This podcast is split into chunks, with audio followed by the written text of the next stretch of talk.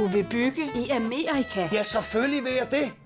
Reglerne gælder for alle. Også for en dansk pige, som er blevet glad for en tysk officer. Udbrændt til kunstner. Det er jo sådan, at direktør Conradsen, han ser på mig. Jeg har altid set frem til min sommer. Gense alle dem, jeg kender. Badehotellet den sidste sæson. Stream nu på TV2 Play. Hej, jeg hedder Emil Eusebius Olaf Jacobsen. Jeg er vært på podcasten På flugt fra min stalker. Det er en dokumentar, der udfolder en meget omfattende og grotesk dansk stalking-sag, og som undersøger, om myndighederne gør nok for at beskytte ofre for stalking. Du kan høre første episode helt gratis lige her, og resten af serien inde på Podimo, hvor du lige nu kan få 30 dages gratis lytning. Du kan finde link i episodebeskrivelsen til det her afsnit. Jeg håber, vi lyttes ved inde i Podimo-appen bagefter.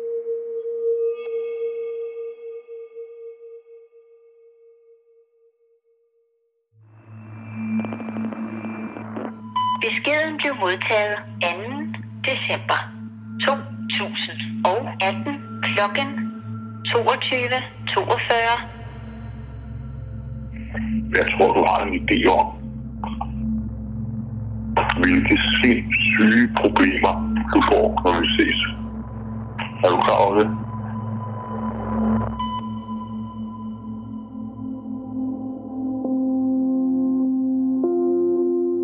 Fleste mennesker har nok på et eller andet tidspunkt prøvet at miste kontrollen. Måske i et øjebliks raseri midt i en stor livskrise, eller i en følelsesmæssig presset eller stresset periode af deres liv, hvor det hele lige pludselig vælter. Men der findes også et helt andet slags kontroltab. Et kontroltab, hvor det ikke er en selv, der mister kontrollen, men en anden person, der tager den. Så dukker han jo op ved min lejlighed og ringer på min dør. En person, der altid er til stede. Holder og venter på mig om morgenen og, og springer ud og hiver i min dør. Som ustandsligt kontakter dig. På fortoget foran det lejlighedskompleks, jeg bor i, skriver han mit navn og kælling og luder. Han er en skygge, der er der hele tiden. Beskeden blev modtaget 2. december. Det er meget muligt, at du får mig i fængsel. Uanset hvad, så garanterer jeg, det er dig, der taber til sidst. Du er stor taber. Så grundsvende, vi ses. Og jeg lover dig for, at vi ses.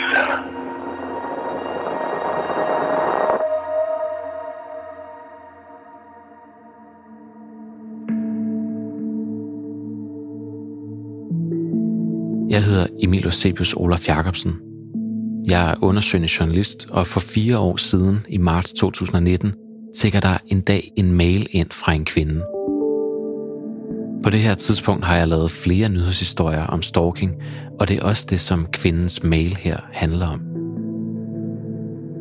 Hun skriver, at hun igennem længere tid er blevet stalket af en mand på nogle helt groteske måder, som jeg nærmest ikke kan begribe. Kvinden er i konstant alarmberedskab, skriver hun. Noget jeg slet ikke er i tvivl om, da hun en dag sender mig en lydfil, hun har lavet. Jeg er blevet så bange for andre mennesker. Jeg ser ikke nogen mere. Jeg undgår helst at gå for meget på gaden. Jeg vil helst bare transportere mig rundt i bilen, hvor jeg kan låse dørene. Vågner om natten hele tiden. Med hjertet siddende op i halsen. Men der er også noget andet ved hendes beretning, som fanger min opmærksomhed. Hun skriver nemlig, at hendes stalker nærmest har haft frit spil til at stalke hende, og at det system og de myndigheder, der egentlig skulle passe på hende, har taget langt større hensyn til ham. Jeg troede, at der var nogen derude, der passede på mig. At når man rendte ind i et menneske, der ville gøre en fortræd, så var der et politi, der ville passe på en. Det er der bare ikke. Man er bare overladt til sig selv.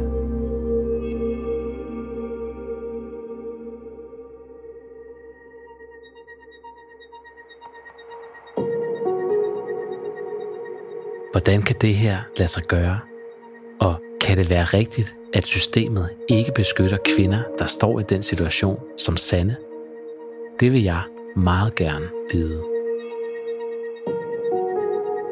Du lytter til På flugt fra min stalker, en undersøgende dokumentar og podcastserie fra Podimo.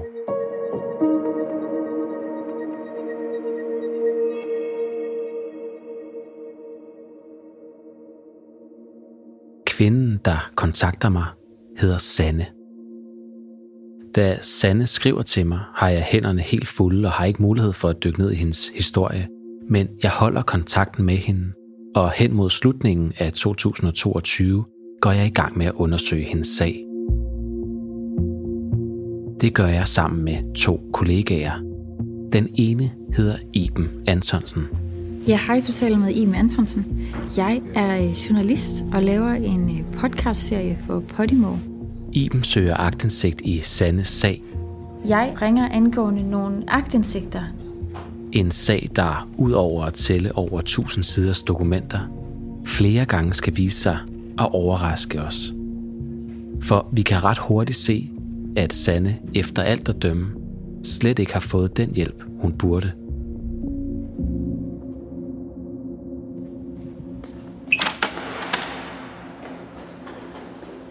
Min anden kollega hedder Cecilie Sønderstrup, og det er hende, du kan høre her, hvor hun tager imod Sanne til det første af en række interview, Cecilie laver med hende.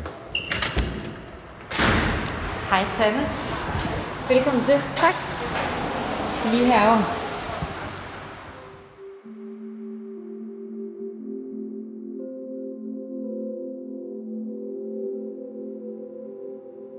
Hvordan har du det med at skulle fortælle om det, du har oplevet? Det er jo noget sådan, hvad kan man sige, noget man, eller jeg helst vil glemme et eller andet sted. Og jeg er da helt vildt nervøs for sådan at skulle, skulle snakke om alle tingene, og er meget påvirket af det. Fordi det bliver meget præsent lige pludselig det hele. Øh, men det er jo også en historie, som jeg håber kan ændre nogle ting, eller gøre en forskel på en eller anden måde, og derfor giver det mening at, at sidde her og skulle gå det hele igennem og sådan genopleve det hele.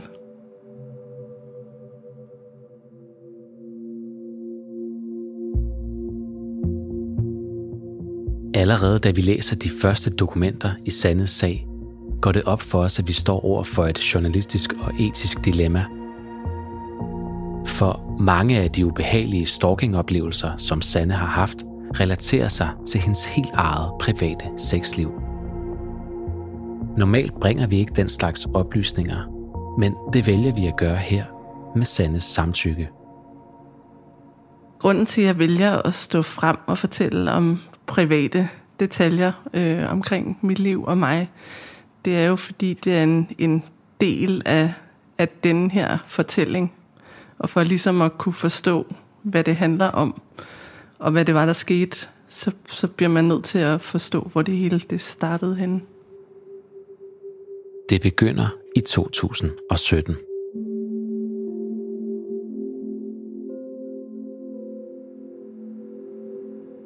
På det her tidspunkt, der er jeg mor til en lille pige, øhm, og jeg har en kæreste, som jeg bor sammen med, og som er far til min lille pige.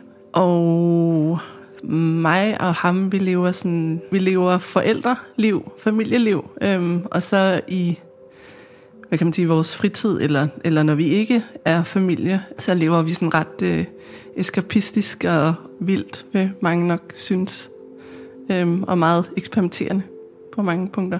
Øhm, vi har, øh, lige siden vi lærte hinanden at kende, udforsket hinandens seksualitet og seksuelle grænser og det har vi både gjort med hinanden, men det har vi også gjort i, i forskellige miljøer, hvor der er mulighed for at, at udforske sådan nogle ting sammen med nogle andre. Det er meget øh, grænsesøgende, både i form af sådan noget SM-agtigt øh, noget, og øh, også det her med at være sammen med andre, både alene og sammen. På det her tidspunkt er Sanne meget åben omkring sit sexliv, over for flere personer i sin omgangskreds. Fordi det netop var en del af mig øh, og vores samliv. Øh. Og et eller andet sted var det nok også fordi, at jeg, jeg i hvert fald selv, inden jeg begyndte at eksperimentere på den måde og kom i de her miljøer, selv havde en masse fordomme.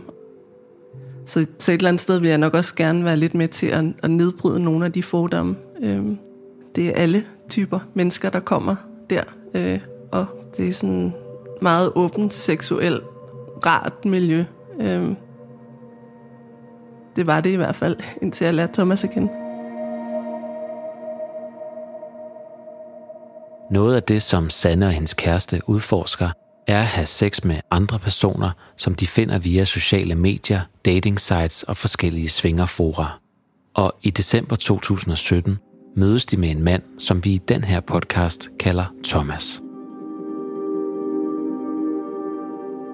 Mit første håndsindtryk af Thomas er positivt. Han er øh, snaksalig og på, og umiddelbart er der en, en god kemi. Han virker rar, meget charmerende og sjov, og umiddelbart et godt førstehåndsindtryk i hvert fald, ja.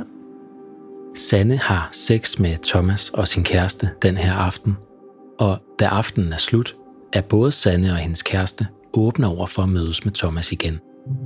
Det har været en, en sjov aften og en sjov oplevelse. Øhm, så altså, har der absolut lyst til at, at se ham igen, øh, fordi det var en god oplevelse. Og så aftaler vi at, at ses igen og lave noget igen.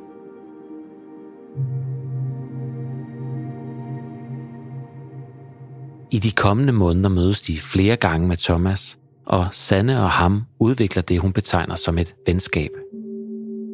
Et venskab, hvor hun sideløbende med deres seksuelle relation både taler med Thomas og skriver med ham om, hvad der rører sig i hendes liv. Der er ikke noget, øh, hvad kan man sige, kærlighed, men, men det er jo intimt, fordi vi har sex med hinanden, øh, og så, så bliver det intimt, når man kommer tæt på hinanden. I begyndelsen af 2018 begynder Sannes og hendes kærestes forhold at vakle.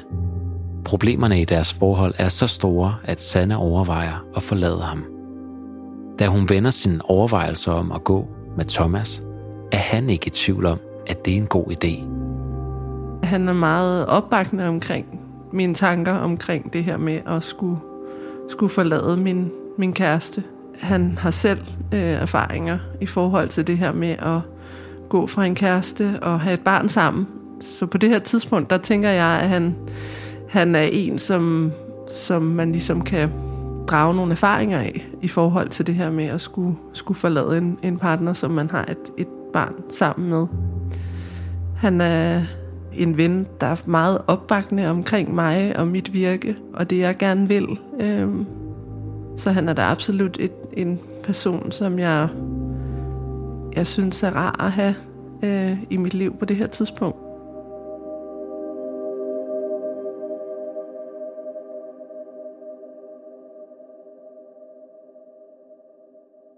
Sanne beslutter sig for at gå fra sin kæreste, og da han flytter ud af deres fælles hjem, tilbyder Thomas at hjælpe Sanne med at sætte lejligheden i stand.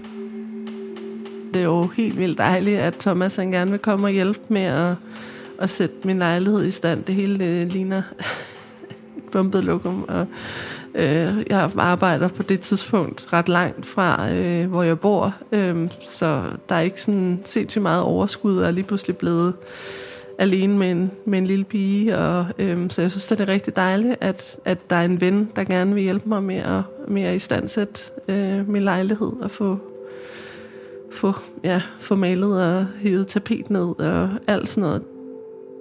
En dag giver Sanne Thomas en nøgle til sin lejlighed, så han selv kan låse sig ind, når han skal arbejde på lejligheden. Det er jo bare rigtig dejligt at have sådan et menneske, der har det overskud til at til at hjælpe mig i den situation, jeg står i.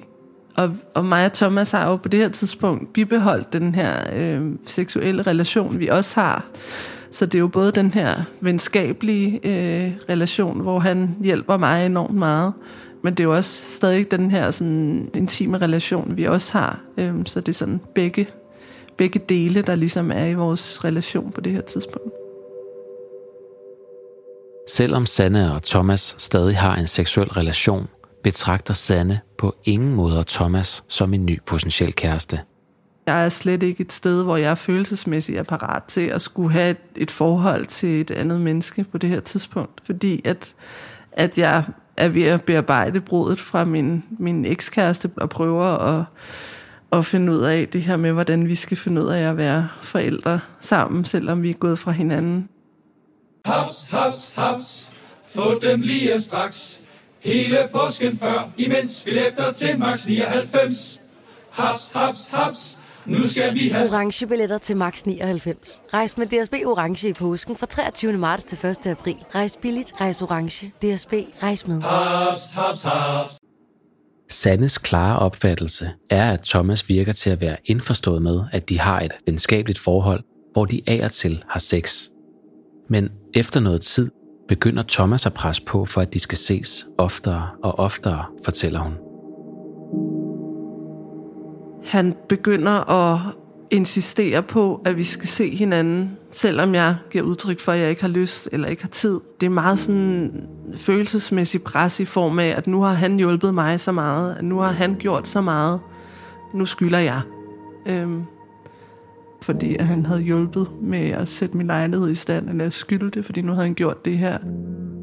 Sanne kan huske, at Thomas begynder at ringe til hende igen og igen, og at han indimellem begynder at bebrejde hende og skælde hende ud.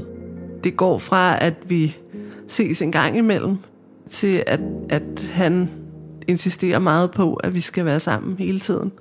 Øhm, og jeg nærmest skal bo nede hos ham. Øhm, og hvis der er dage, hvor jeg ikke er sammen med ham, og han ikke ved, hvad jeg laver, så bliver jeg kimet ned. Øhm, så, så det er meget sådan, øh, meget sådan omklamrende. Han, har, han vil have, at, at jeg ligesom skal være der hele tiden. Hvis du skulle prøve at sætte nogle ord på, øh, hvad det er, der gør, at du ikke går fra ham, fordi ja. han jo overskrider dine grænser og vækker en utryghed mm. i dig. Jamen, vores relation er jo også venskabelig. Han er jo ikke ubehagelig eller ondskabsfuld hele tiden. Så det svinger jo imellem, at, at vi har en relation, som er, er rar, og så til det her med, at, at samtidig så har jeg ligesom sat mig på et tog, som kører et eller andet sted hen, og jeg har overhovedet ikke styring over, jeg kan ikke stå af på nogen perroner eller stationer, fordi de kører bare. Så den her sådan følelse af at blive lullet ind føle, at jeg sad i saksen, før jeg egentlig kunne se, hvad det var. Fordi det sådan skete lige så langsomt hele tiden, og hele tiden blev sådan krydret med det her venskabelige, øh, hjælpsomme, rare. Sanne begynder at flytte flere ting fra sin egen lejlighed til Thomas' hus. Det gør hun for at kunne være så meget hos ham som muligt. Men på et tidspunkt lægger hun også mærke til, at der er flere af hendes ting i hans hus, som hun ikke selv har taget med. Og så begyndte han jo også selv at, at tage ting i min lejlighed og tage dem med ned til ham. Øhm, det bliver jo præsenteret sådan meget et eller andet sted kærligt, eller forsøgt kærligt, eller hvad skal man sige, sådan surprise, nu har jeg set, hvad jeg har gjort for dig, nu kan du endnu bedre være hernede endnu mere. På den måde ender mange af Sandes ting efter ret kort tid hjemme hos Thomas. På bare nogle få måneder, hvor Thomas ifølge Sande udsætter hende for en blanding af pres og skyldfølelse, er hun mere eller mindre flyttet permanent ind i hans hjem. Et hjem, der skiller sig meget ud fra Sandes egen farverige og ofte roede lejlighed. Hjemme hos Thomas er der meget pænt og rent. Øhm, sådan meget øh, minimalistisk indrettet. Øh, når, øh, når jeg er hjemme hos ham, så skal tingene være på en bestemt måde. Han har ligesom en drejebog til, hvordan man vasker tøj, og hvordan man laver kaffe, og hvordan man vasker op, øh, og hvordan, hvor tingene skal stå henne. Så, så der er sådan ret faste regler til, hvordan ting skal være, og hvordan jeg skal gøre tingene korrekt. Sanne oplever også, at Thomas har meget tydelige holdninger til, hvordan hun skal se ud. Hvilket også betyder, at det er en stor del af mit tøj bliver smidt ud, og at jeg ser ud på en bestemt måde, som er hans billede af, hvad der er attraktivt. Meget sådan klassisk klædt. Så det er meget hans drøm, hans illusion, som jeg ligesom bliver draget ind i.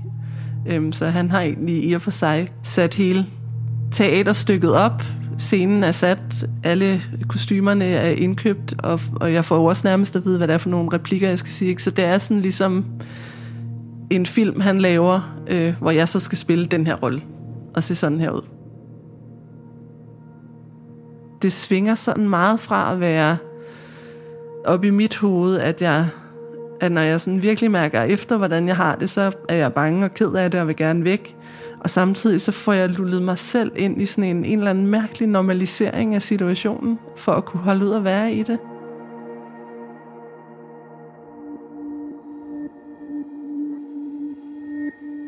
Ifølge Sanne er det især fra, da hun er flyttet ind hos Thomas, at han for alvor begynder at kontrollere hende. Han kræver at køre hende rundt til hendes aftaler, og når hun er færdig, holder han i sin bil og venter på hende og kører hende hjem igen. Han overvåger, hvem hun taler i telefon med og hvem hun skriver med, og han forbyder Sanne at være i kontakt med hendes ekskæreste. Noget andet, der også kan få Thomas til at, til at, at blive rigtig vred, det er det her med, hvis jeg har kontakt til min øh, ekskæreste, som jeg jo har et barn sammen med. Thomas er meget kontrollerende i forhold til, hvornår og hvordan det er decideret sådan noget med at sidde og se, hvad jeg skriver øh, i sms-beskeder til ham, og hvad jeg aftaler, hvornår. Og altså, han vil bestemme, hvornår øh, vi skal have vores fælles barn hver især, og altså, han er meget dominerende i forhold til, hvordan min relation til, til min ekskæreste skal udforme sig. Og det gør, at, at jeg ligesom begynder at have noget kommunikation med min ekskæreste, som jeg hemmeligholder for at undgå de her konflikter med Thomas.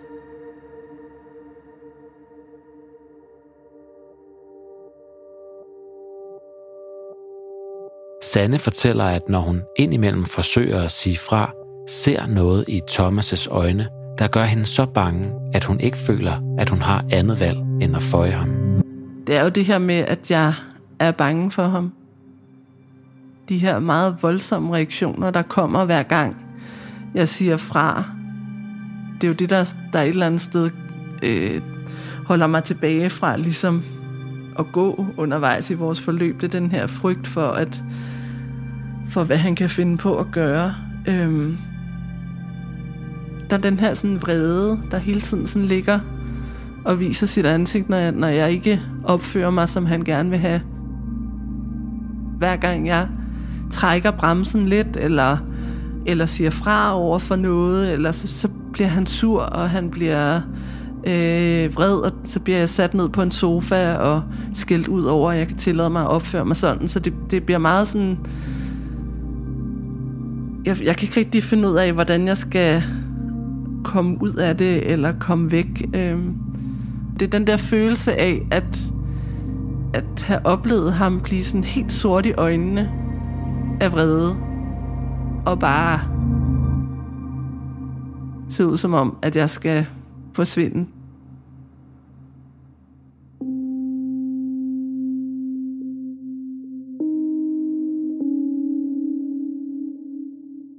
Den samme frygt for, hvad der kan ske, hvis hun siger Thomas imod, har hun også, når de har sex, fortæller hun. Sex, som i forvejen er eksperimenterende og kræver en stor grad af tillid og respekt for hinandens grænser.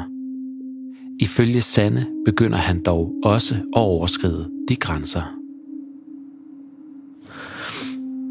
Den første gang, jeg har det sådan, det tror jeg er, er øhm, på et tidspunkt, hvor vi har hvor vi har sex sammen, og han ligesom, at han ikke stopper, når jeg siger stop på et senere tidspunkt, hvor det også er, er i forhold til sex, hvor der er noget, vi har aftalt, at det kan jeg ikke lide, og det skal han ikke gøre. Øhm, og så har jeg bindt for øjnene, og så gør han det alligevel. Øhm, jeg husker den der følelse af, at, at det handlede mere om ham og hans lyster, end om mig. Altså jeg var bare en, en brik i, i, at han skulle udøve nogle lyster, han havde lyst til at udøve. Når hun i dag ser tilbage på sig selv på det her tidspunkt, ser Sanne en skygge af sig selv. En skygge af en kvinde, hun ikke kender, i et hus hos en mand, som på bare få måneder har taget kontrollen over hende fuldstændigt. Øhm, jeg bliver ked af det over at tænke tilbage på mange af de ting, der skete. Øhm, at jeg lod et andet menneske komme, komme så tæt på, og så er en, som man, man stolede på et eller andet sted, eller havde sådan en fornemmelse af, at jeg ville egentlig godt, at det, han smadrede bare mit liv fuldstændig.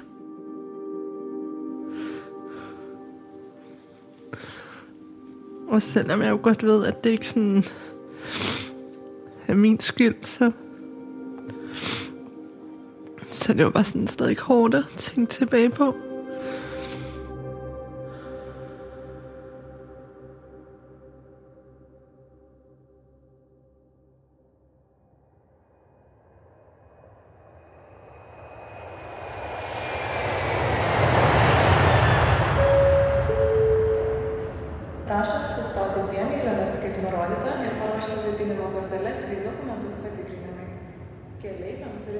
I 2018 tager Thomas og Sanne på sommerferie i udlandet.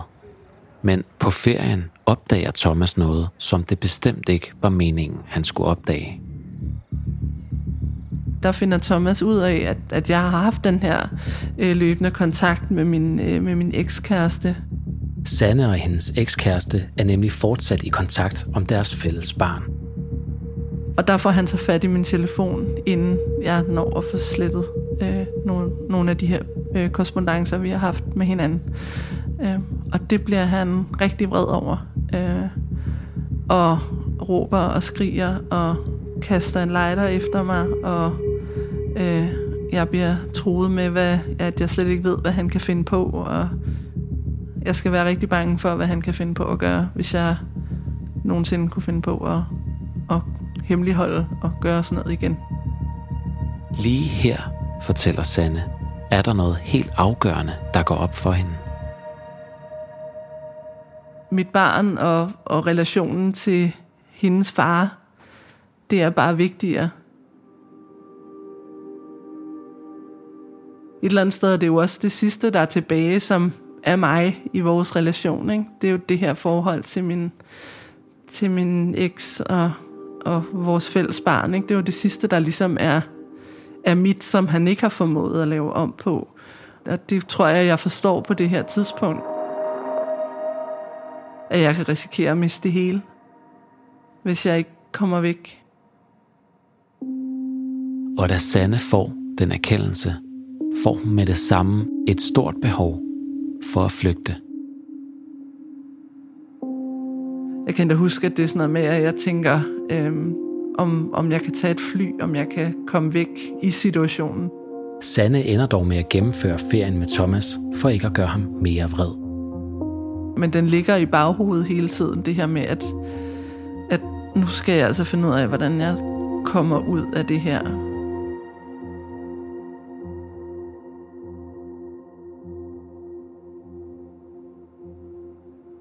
Vi er lige kommet hjem fra den her ferie, øhm, og jeg går og, og prøver at finde ud af, hvordan skal jeg komme væk? Hvordan skal jeg ligesom få samlet, øh, det ved jeg ikke, en tredjedel af min lejlighed, som er endt nede i hans hus, øhm, og komme væk med det, uden at skulle konfrontere ham direkte. Øhm, fordi det, det tør jeg ikke. En uge efter de er kommet hjem fra ferien, skal Sanne besøge sine forældre. Og der skal jeg ind og besøge mine forældre, øhm, som lige er flyttet, øh, og se deres nye lejlighed. Og så er det, at skitsen til en plan begynder at manifestere sig i hendes hoved. Hun vil betro sig til sine forældre og bede dem hjælpe hende med at flytte alle sine ting ud af hans hus.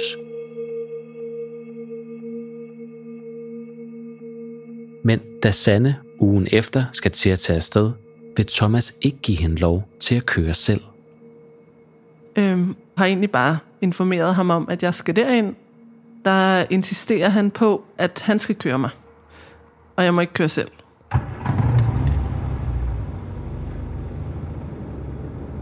mens vi kører derind, øhm, der får jeg også sagt flere gange, at han, skal bare, han kan bare sætte mig af på en station, og sådan Han skal da ikke køre mig hele vejen derind. Men det ender med, at, at vi tager derind.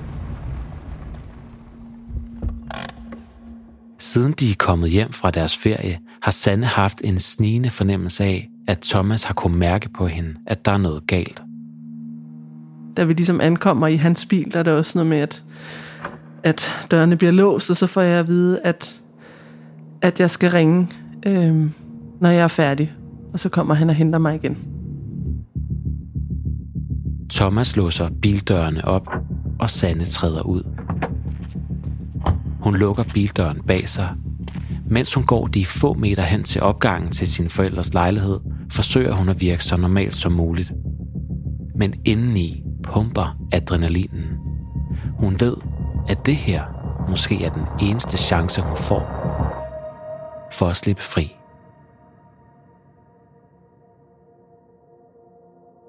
I næste episode. Da vi kører, så er der også noget med at kigge over skulderen, at han ikke er der. Hun er bange for ham. Hun er bange for, at han skal opdage, hvad vi har gang i. Og jeg har jo en, en nøgle til hans hus, så vi går jo ind. Ja, det går ned ad trappen. Vi har jo travlt. Det her, det kan faktisk blive til en rigtig farlig situation.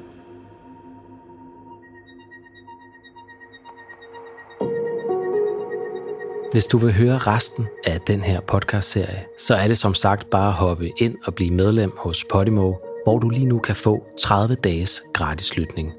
Jeg håber, vi lyttes ved derinde. Thomas er et opdigtet navn, og vi har sløret hans stemme på de telefonsvarbeskeder, du har hørt. Men vi har på redaktionen kendskab til hans fulde identitet. Vi har kontaktet Thomas flere gange, men han er ikke vendt tilbage på vores forspørgseler om et interview.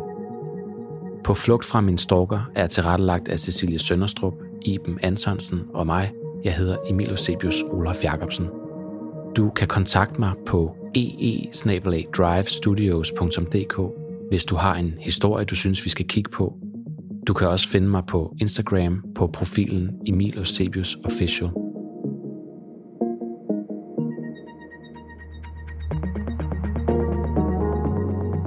Malte Vinter Bode og Jakob Helt har klippet serien og også skabt lyddesignet. Temamusikken er lavet af Marie Killebæk og producent af Jakob Sloma Damsholdt.